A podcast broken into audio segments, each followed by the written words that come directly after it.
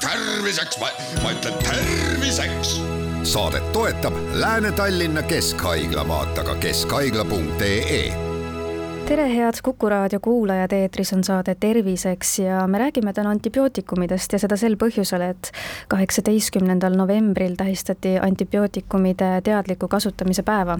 mina olen Ingela Virkus ja koos minuga on stuudios Lääne-Tallinna Keskhaigla infektsioonhaiguste arst Pille Märtin, tere! tere! mis siis need antibiootikumid on ja miks neid kasutatakse? antibiootikumid on kas looduslikud, poolsünteetilised või sünteetilised ravimid, mida kasutatakse mikroobide elutegevuse pärssimiseks või nende üldse ärahävitamiseks.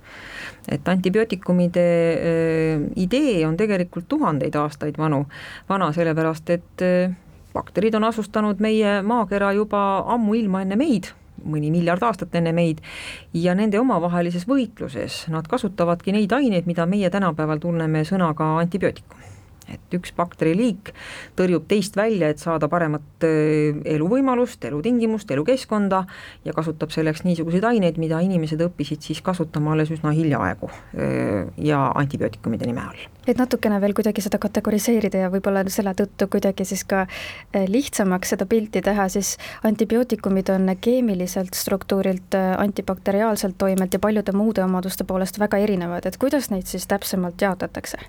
Neid jagatakse hinnatakse vastavalt sellele, millistele mikroobiliikidele nad toimivad, nad võivad olla antiviraalsed, viiruste vastased, nad võivad olla bakterite vastased, antibakteriaalsed preparaadid, nad võivad olla ka algloomade vastu, antiparasitaarsed ained ja, ja teinekord isegi usside vastu, et antihelmintid.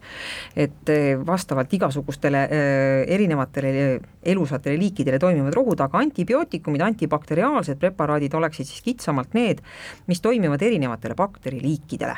Ja neid klasse, antibiootikumide klasse on väga palju erinevaid ja need klassid on juba keemilise struktuuri põhjal jaotatud erinevateks rühmadeks, mis seal täpselt sees on, et vastavalt sellele on ka neile nimetus antud, et võib-olla nii mikroobiliigi järgi kui ka keemilise klassi järgi aga kuidas need siis ikkagi töötavad, et kuidas nad inimese organismis toimima peavad?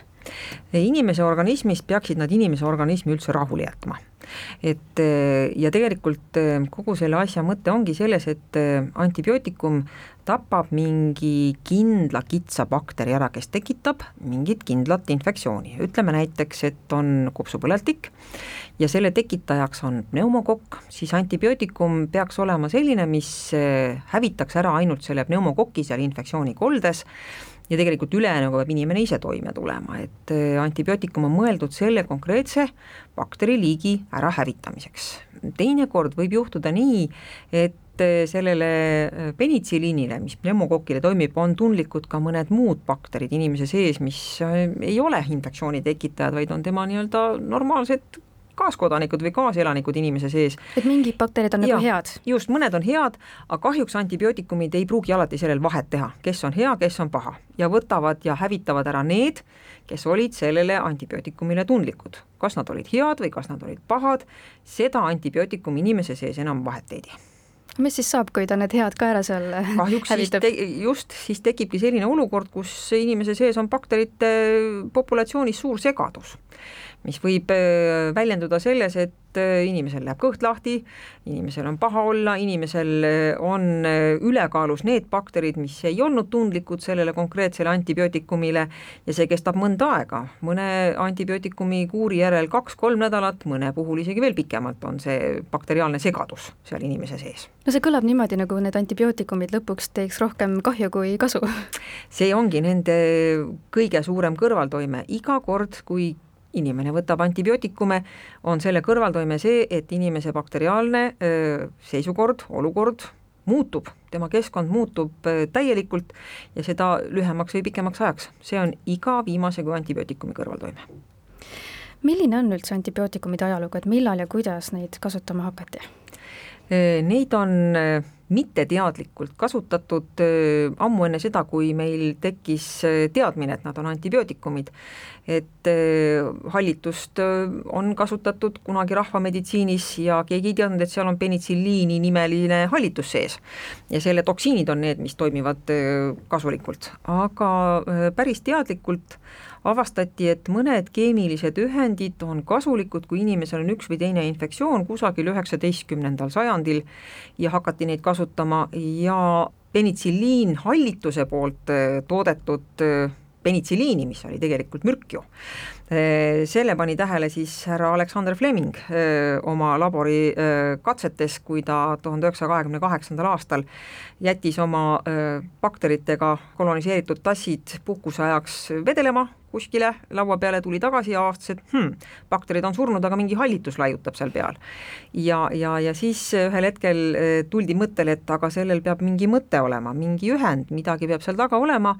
Ja seda hakati siis eh, tasapisi tootma, selle tootmise eh, käigus juhtus igasuguseid apsakaid, ja päris inimeste peal toimiv penitsiliin äh, jõuti alles kusagil kolmekümnendate lõpus äh, äh, nii kaugele, et ta päriselt oli olemas ampullis ja teda sai süstida ja temast oli ka silmnähtavalt kasu laiemalt vist kättesaadavaks äh, muutusid antibiootikumid alles pärast teist maailmasõda kusagil sealkandis, et neid jagati siis inimestele, sest usuti, et need on äh, mingid sellised imevahendid, mis aitavad jagu saada kõikidest haigustest, aga paraku ei teatud ju veel, et nende liigne või vale kasutamine võib tervisele halvasti mõjuda ning äh, selle tagajärjel võivad välja areneda antibiootikumidele resistentsed bakteritüved tõepoolest, kuuekümnendate aastate alguses deklareeriti, et maamuna pealt võivad nakkushaigused järgmise kahekümne aastaga üldse ära kaduda. Eh, kuna neid antibiootikumide erinevaid klasse tuli nagu seeni pärast vihma, eh, iga aasta või üle aasta mõni uus klass jälle tuli ja jälle oli olemas eh, terve rida haigusi, mida oli võimalik siis ravida ja edukalt ravida, aga, aga, aga see teadmine läks üle umbes kahekümne järgmise aastaga. selgus, et äh, penitsiliini suhtes muutusid stafülokokid resistentseks umbes kümne aastaga ja, ja see informatsioon ju levis bakterite hulgas, inimesed suhtlevad omavahel, jagavad oma mikrofloorat omavahel ja see informatsioon levis bakterite populatsioonides märksa kiiremini, kui me isegi oskasime tol hetkel ette kujutada, et sõbrad, siin on penitsiliin, katsuge nüüd valmis olla ja nad olidki valmis. aga millised on tänapäeval kasutatavad antibiootikumid võrreldes siis nendega, mis, mida alguses kasutati? tegelikult me kasutame neid alguses leiutatud antibiootikume ka tänapäeval. Et on terve rida baktereid, kes on säilitanud tundlikkuse vaatamata kõigele, mis mööda meist on läinud, on säilitanud tundlikkuse näiteks penitsiliinile. toongi siinkohal ära pneumokoki, mis on kõige sagedasem bakteriaalse kopsupõletiku tekitaja Eestis, aga ka maailmas. Ja, ja õnneks Eestis on pneumokokkide populatsioon säilitanud tundlikkuse penitsiliinile pneumokokk tekitab ka keskkõrvapõletikku, tekitab sinusiiti, tekitab bronhiiti, et me saame kasutada penitsiliini, mis siis, et ta leiutati neljakümnendatel möödunud sajandil, ta on endiselt toimiv, ka süfilise raviks näiteks on penitsiliin täiesti omal kohal, aga, aga teda ei saa enam väga palju muudel öö, olukordadel kasutada. miks? Sellepärast, et äh, näiteks tahvelukokkide populatsioon on nii resistentne, et seal pole isegi mõtet üritada enam, et kui me stahvelokokilist äh, nahainfektsiooni äh, sõja ajal, näiteks haavainfektsioonid olid ja on praegugi stahvelokokkide poolt tekitatud, siis sai penitsiliiniga ravida, aga tänapäeval pole sellega mitte midagi teha, see informatsioon on, kuidas nüüd öelda, muutunud stahvelokokkide hulgas looduslikuks nähtuseks kuidas siis neid äh, stahvelokokke, kui ma õigesti hääldan, äh, tänapäeval siis ravitakse? Ähm, on äh, disainitud kuuekümnendatel nende jaoks eraldi oksatsilliini nimeline preparaat, mis Eestis õnneks toimib ja Eestis kuldkollaste stahvelokokkide populatsioon on oksatsilliin tundlik ja, ja nende öö, ähm, erinevate derivaatide tundlik, aga, aga metitsiliin või oksatsilliin resistentseid stafylokokke on väga palju mujal maailmas kahjuks. ja siis see enam ei tööta, meil on järel ainult üks või kaks preparaati, mis selle öö, bakteri poolt tekitatud infektsiooni jaoks on mõeldud ja mida me saame kasutada, ja kui see ka on rajalt maas ja neid tüvesid on ka maailmas nähtud, et siis polegi midagi teha kui äh, tihti või kui palju on vaja üldse selliseid antibiootikumide arendamist, selles mõttes, et nad oleksid äh, võimelised nende arenevate haigustega, haigustekitajatega, bakteritega võitlema? see on väga raske küsimus praegu hetkel farmaatsiatööstustele, et kuna me tänapäeval teame, et bakterid on meist tegelikult üks samm ees, tuleb uus antibiootikumi klass või molekul turule ja tegelikult võib üsna varsti kohe näha, et ka sellele resistentsed bakterid on juba olemas, nad lihtsalt äratasid ellu oma seni maganud resistentsusmehhanismid. ja, ja juba on ta äh, kasutuselt äh, maas, ehk siis tegelikult uusi klasse tuleb praegu väga vähe juurde. Väga-väga vähe võrreldes äh, aastatetaguse perioodiga. Ja seega me peame kasutama antibiootikume praegu nagu taastumatut loodusvara. Hästi põhjalikult läbimõeldult, hästi sihipäraselt, et sellisel juhul me saame neid veel kasutada järgmistel aastakümnetel. me jätkame oma vestlust juba homme kell neliteist nelikümmend viis.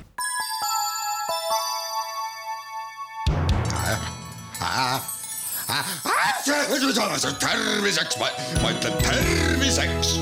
saadet toetab Lääne-Tallinna Keskhaigla, vaata ka keskhaigla.ee